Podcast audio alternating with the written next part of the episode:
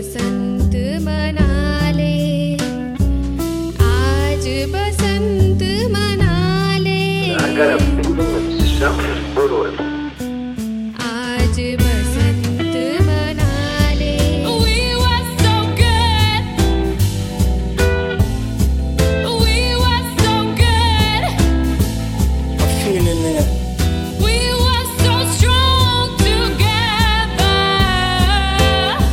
sit back, relax.